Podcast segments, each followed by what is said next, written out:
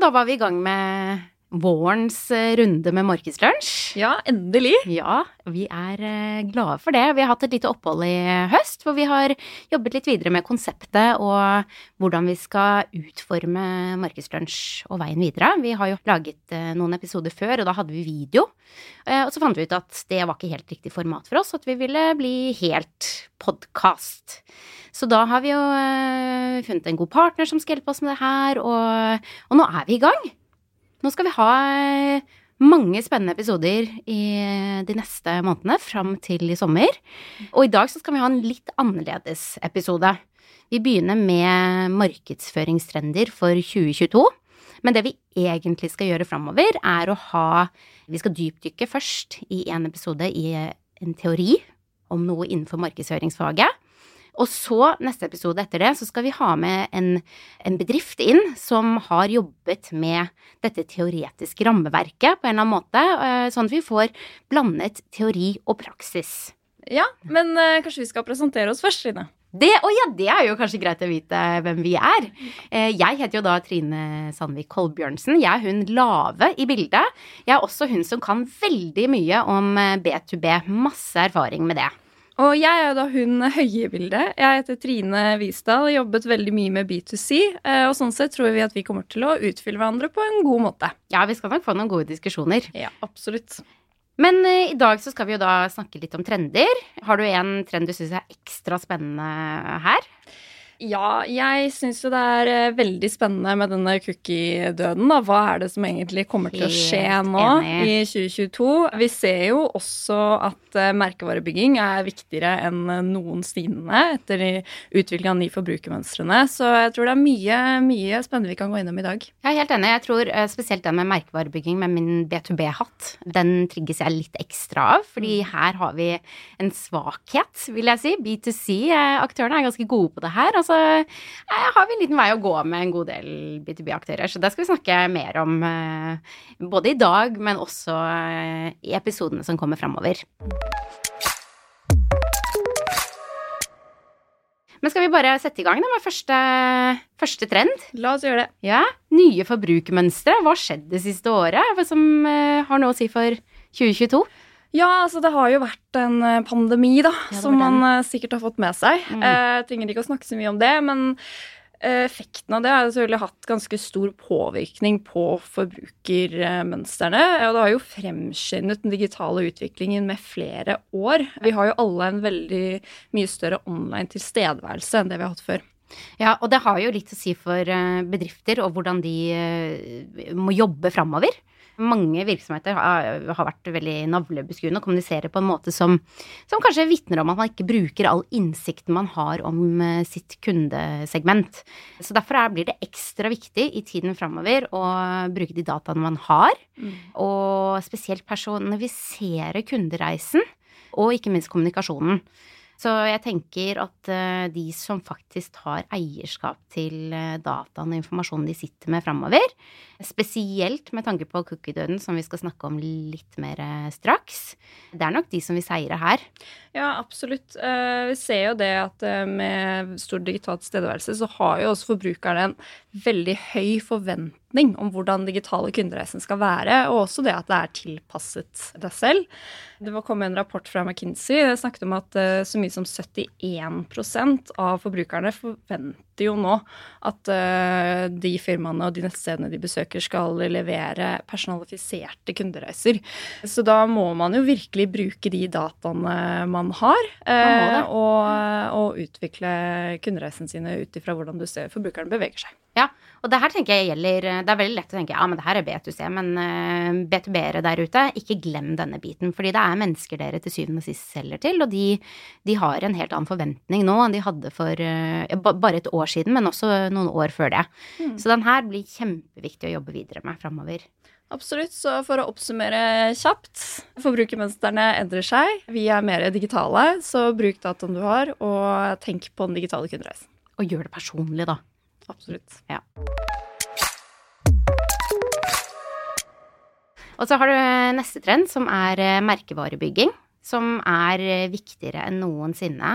Du må bare ta stilling til det her som bedrift. Og dette har jo med disse forbrukermønstrene å gjøre. Vi ser at veldig mange forbrukere er blitt illojale mot merkene de tidligere har kjøpt.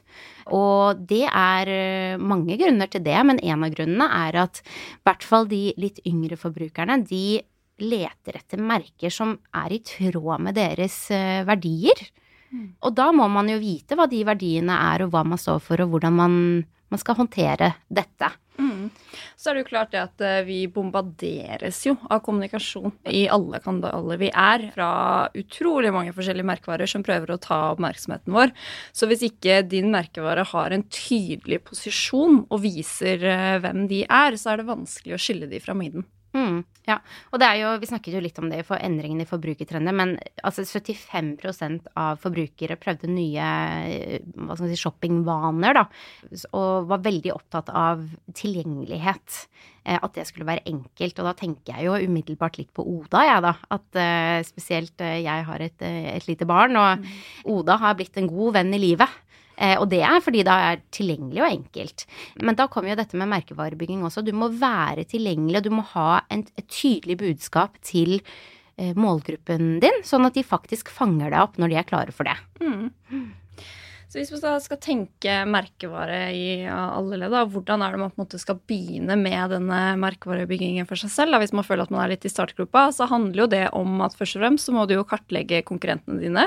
Hvor eh, og kategorien du er i, definere den. Eh, hvilken kategori er det, og hvordan er det konkurrentene dine oppfører seg i den kategorien? Hvilken posisjon er det som eventuelt er ledig, mm. som du kan ta? Så må du finne den posisjonen, finne den rollen du skal spille, og så etablere det i, eh, i folks hoder. Ja, og jeg må, jeg må, bare ha en liten sånn eh, om dette med kategori inn mot B2B. Her eh, er det veldig mange Dette er en sånn, eh, et konsept som er veldig forankret i B2C-verden, men innenfor B2B så er det veldig mange som sliter litt med å definere sin egen kategori, og skjønner ikke helt viktigheten av det. Og grunnen til at du faktisk må ha et forhold til hvilken kategori du konkurrerer i, er for å kunne ha den tydeligheten mot målgruppen din. Eh, og hvis du ikke har det, så kommer du ikke til å nå igjennom, og du kommer ikke til å vinne kampen mot konkurrentene dine. Nei, jeg er helt enig. Som du sier, B2B absolutt et sted å gå der. Også mange eh, B2C-bedrifter trenger ja, du syns det? Ja. ja, jeg syns det. Jeg syns det er mange som eh, tror de selv er veldig unike, og tror det de selv sier er noe som ingen andre sier. Eh, og så viser det seg at det egentlig er en liten hygienefaktor fra en forbruker sitt ståsted. Ja. Så bruk litt tid på å finne ut hva er det som faktisk er unikt med din merkevare, og hvorfor skal det ha verdi for, eh, for forbrukeren, og så prøve å etablere en, eh, en rolle og posisjon rundt det. Og så Hvis du vil høre litt mer om hvordan man jobber med merkevarebygging, så er det en tidligere episode av Markedslunsj med vår gode kollega Kjartan Haugen, som er eh, merkevarespesialist hos oss, som forklarer hvordan man jobber med det her. Så den kan være fin å gå tilbake og lytte til hvis du trenger litt inspirasjon. Og den episoden den finner du på Spotify, eh, og så lenker vi den i episodebeskrivelsen her også. Men jeg har bare lyst til å gå videre til dette med bærekraft, da, fordi du nevnte dette med eh, å snakke om ting som er unike. Og veldig mange av våre kunder i dag har lyst å fremme seg selv som unike på bærekraft. Og bærekraft er en trend som vi ser blir mer og mer viktig for kundene våre. Men du må være så klar over hva du holder på med her. Mm. Så det var derfor jeg hadde lyst til å snakke litt om den nå. Fordi eh, jeg har flere kunder som ønsker å være at sitt budskap inn i kategorien sin og opp imot konkurrentene er at de er best på bærekraft. Mm. Det er jo ikke helt heldig alltid. Nei, det er jo ikke det. Og så må jeg bare skyte inn at det, det kan at det er mange som uh, syns det er rart nå at hvis vi skal snakke om bærekraft som en av de store trendene for 2022, og tenker sånn ja, men var ikke det en trend allerede i 2020? Jo, det har du helt rett i, uh, men vi vil likevel dra det frem nå, fordi det handler om hvordan man jobber med det. Mm. Uh, og at det fortsatt må jobbes med i 2022, men kanskje på en litt annen måte. fordi nå er det såpass etablert som det er. Ja, og spesielt hvis vi tenker på disse endringene i forbrukermønstrene, at uh, målgruppen din er på jakt etter produkter og tjenester som er i tråd med verdiene dine. Mm. Da må du faktisk ha et forhold til dette med bærekraft. Og bærekraft er ikke bare det at man sorterer søpla si, det er ganske mye bredere enn det. Mm. Så hvis du ikke har et forhold til det her som bedrift, så er det virkelig på tide å sette seg ned og finne ut hvordan man skal jobbe med det her. Absolutt. Eh, og det er jo mange flinke bedrifter der ute også som man kan, eh, kan ta, se på og ta læring av. Nå i 2021 så så vi jo bl.a. mange gode bærekraftstiltak fra kjente merkevarer som Power, eh, OneCall, Ikea, Jernia. Og det vi ser, er jo det at måten de snakker om bærekraft på, er ikke de, de, bruker ikke nødvendigvis ordet bærekraft. De snakker mer om hva de faktisk gjør. De snakker om eh, pant, de snakker om reparasjoner, de snakker om gjenbruk, de snakker om kampanjer mot unødvendige gaver, og også er flinke til å dra med hele bedriften i det de gjør. Ja, jeg ser det innenfor B2B-segmentet også. Der er det man, eh, man, er gode på å snakke om beviser her, heller enn å drive med dette forferdelige begrepet grønnvasking, hvor man bare bruker eh, ord man ikke skal bruke, og ikke har noe innhold. Så dette tror jeg er folk begynner å skjønne viktigheten av. Man må ha en tydelig plan for hvordan man som bedrift jobber med det her, og hva man skal ha ut av det. Mm. Skal vi gå videre til cookie-døden? La oss gjøre det. Ja. Dette her er jo kanskje Jeg vet ikke, er det den viktigste tingen eh, man må tenke over i 2022? Kan vi være så bold og si det sånn?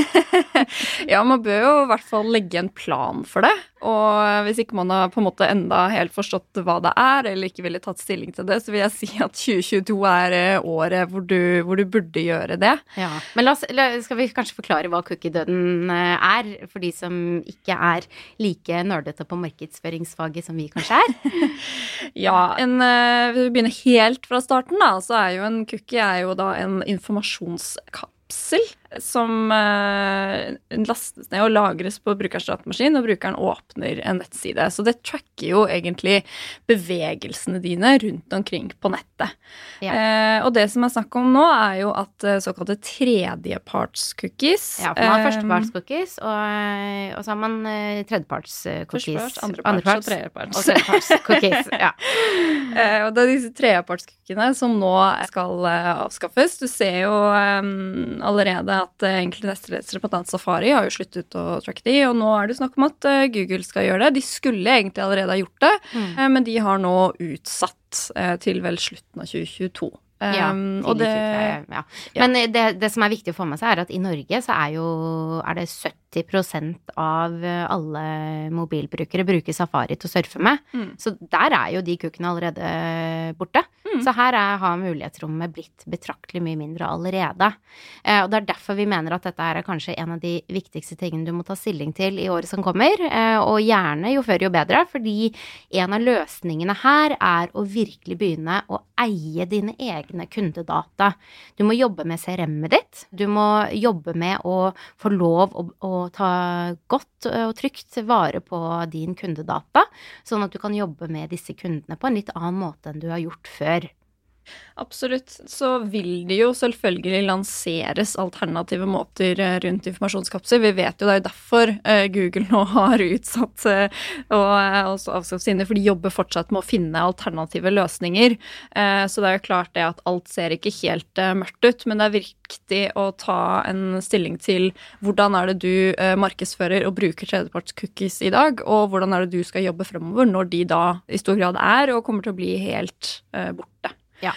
Og så tenker jeg det er kanskje viktig å ikke belage seg på at den løsningen kommer. For siden man ikke vet hva løsningen blir, og hvordan den ser ut, så vet vi ikke hva konsekvensene vil være. Så det aller tryggeste er å begynne å eie dine egne kundedata. Mm, absolutt. Uh, innlagde brukere vil jo være eh, viktig.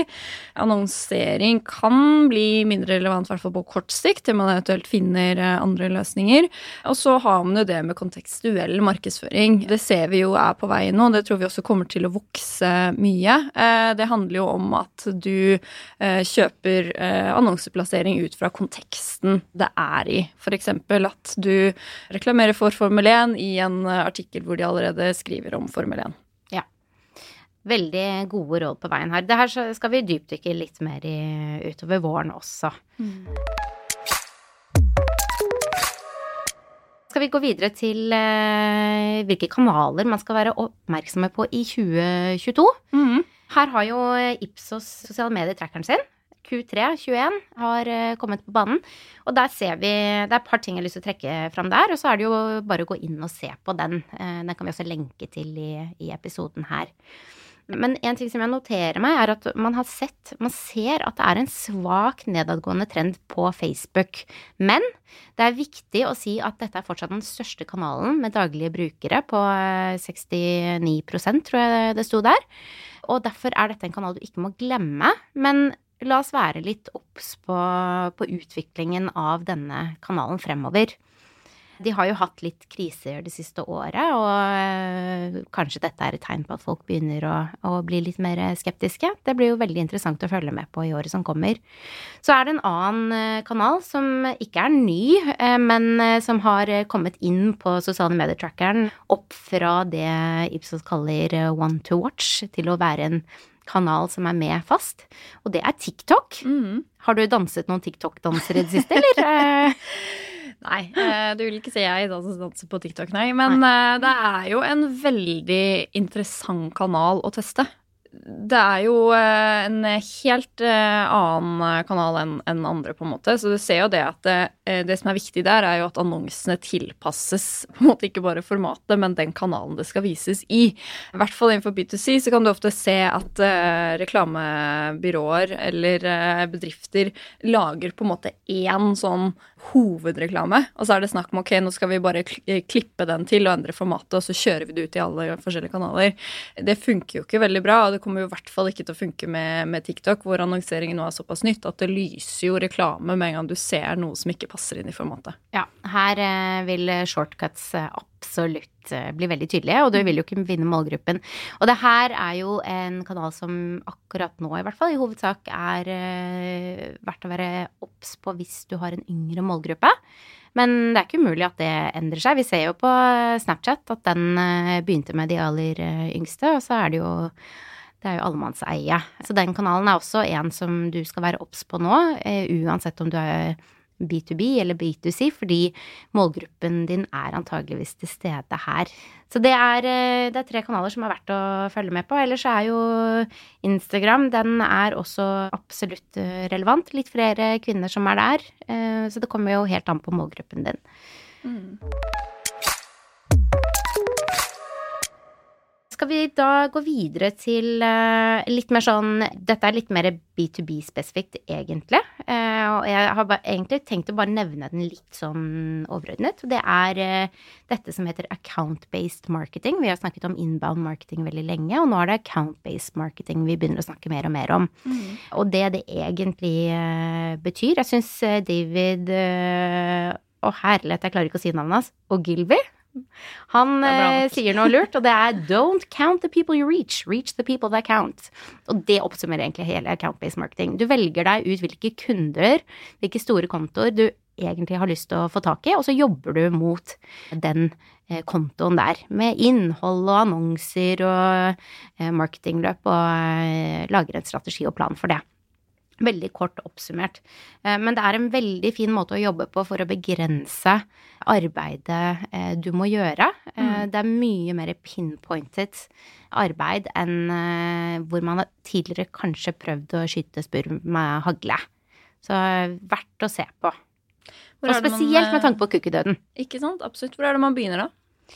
Ja, altså du må jo da vite hvem er målgruppen din. Mm. Det er jo kjempeviktig. Alt begynner med det. Eh, og så må du jobbe videre fra det. Hva sier du til målgruppen din? Du må vite, Da er vi litt tilbake til merkevara. Du må vite hvilken kategori du er i, hvem som er konkurrentene dine, og hvordan du skal posisjonere deg med de. Og så må du lage da et, eh, et løp som vil være individuelt for bedrift til bedrift. Men antageligvis vil det inkludere et marketing automation-løp, det vil inkludere et annonseløp, og det vil involvere innholdsproduksjon i stor grad.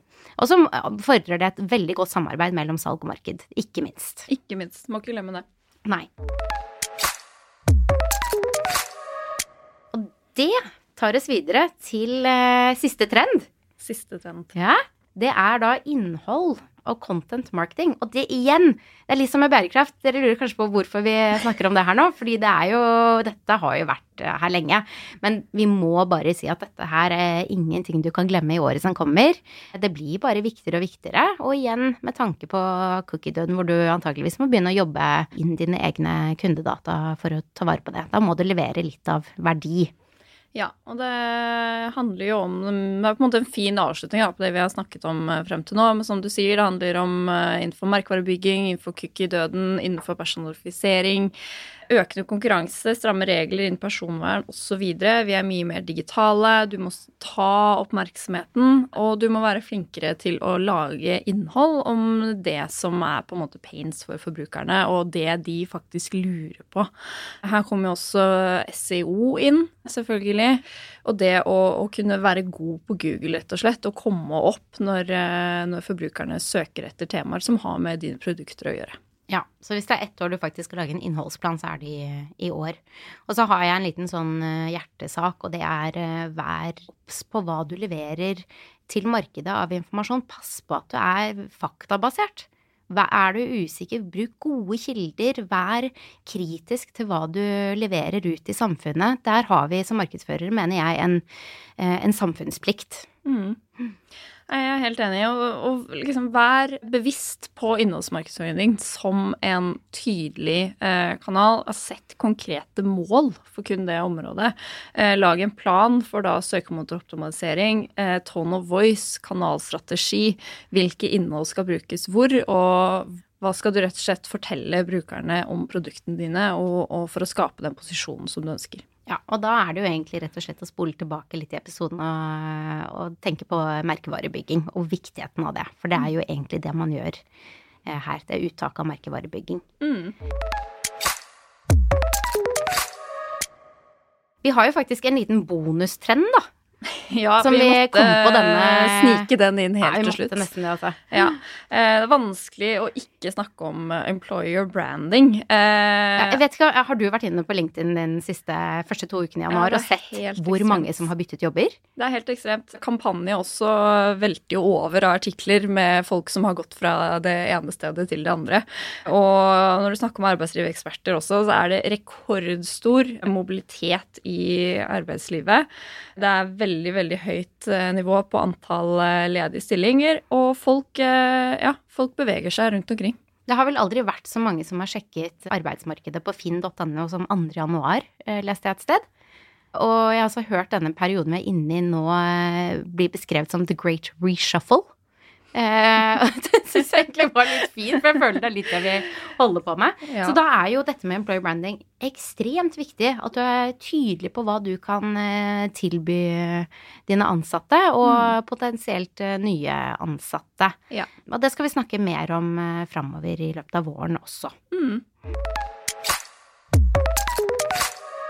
Ja, så for å oppsummere, da. Vær obs på merkevaren din. Ja. Eh, det er kjempeviktig at du er, har en tydelighet i markedet. Du må passe på hva du produserer av innhold, en god plan for det. Mm, ta stilling til cookie-døden. Eh, hvordan eh, kommer det til å påvirke din eh, merkevare det neste året? Ja. Ta kanskje en vurdering på hvilke kanaler skal du egentlig være i. Eh, ta en titt på ISOs-undersøkelsen og se kanskje du rett og slett skal skrape noen av de du brukte i fjor, og gå en ny vei. Ja, og så sjekk og ta stilling til om eh, forbrukermønsteret har endret seg, og hvordan det påvirker uh, hvordan du jobber med markedsføring og, og salg. Mm. Uh, og hvis du er en B2B-bedrift, så vil jeg lese meg litt opp på account-based marketing. Absolutt. Ja, skal vi runde av med det? Og så ønsker jeg velkommen tilbake til neste episode. Og neste episode slippes 7. februar, og da skal vi snakke om employer branding. Og da blir det teori først, og så vil eh, episoden etterpå være et case. Så da er det viktig at du abonnerer på podkasten, eh, sånn at du får varsling når eh, episoden slipper. Og hvis du vil lese enda mer om trender i 2022, eller få med deg annet faglig innhold innen markedsføring, så går du inn på markedssjefene.no. Ha det bra!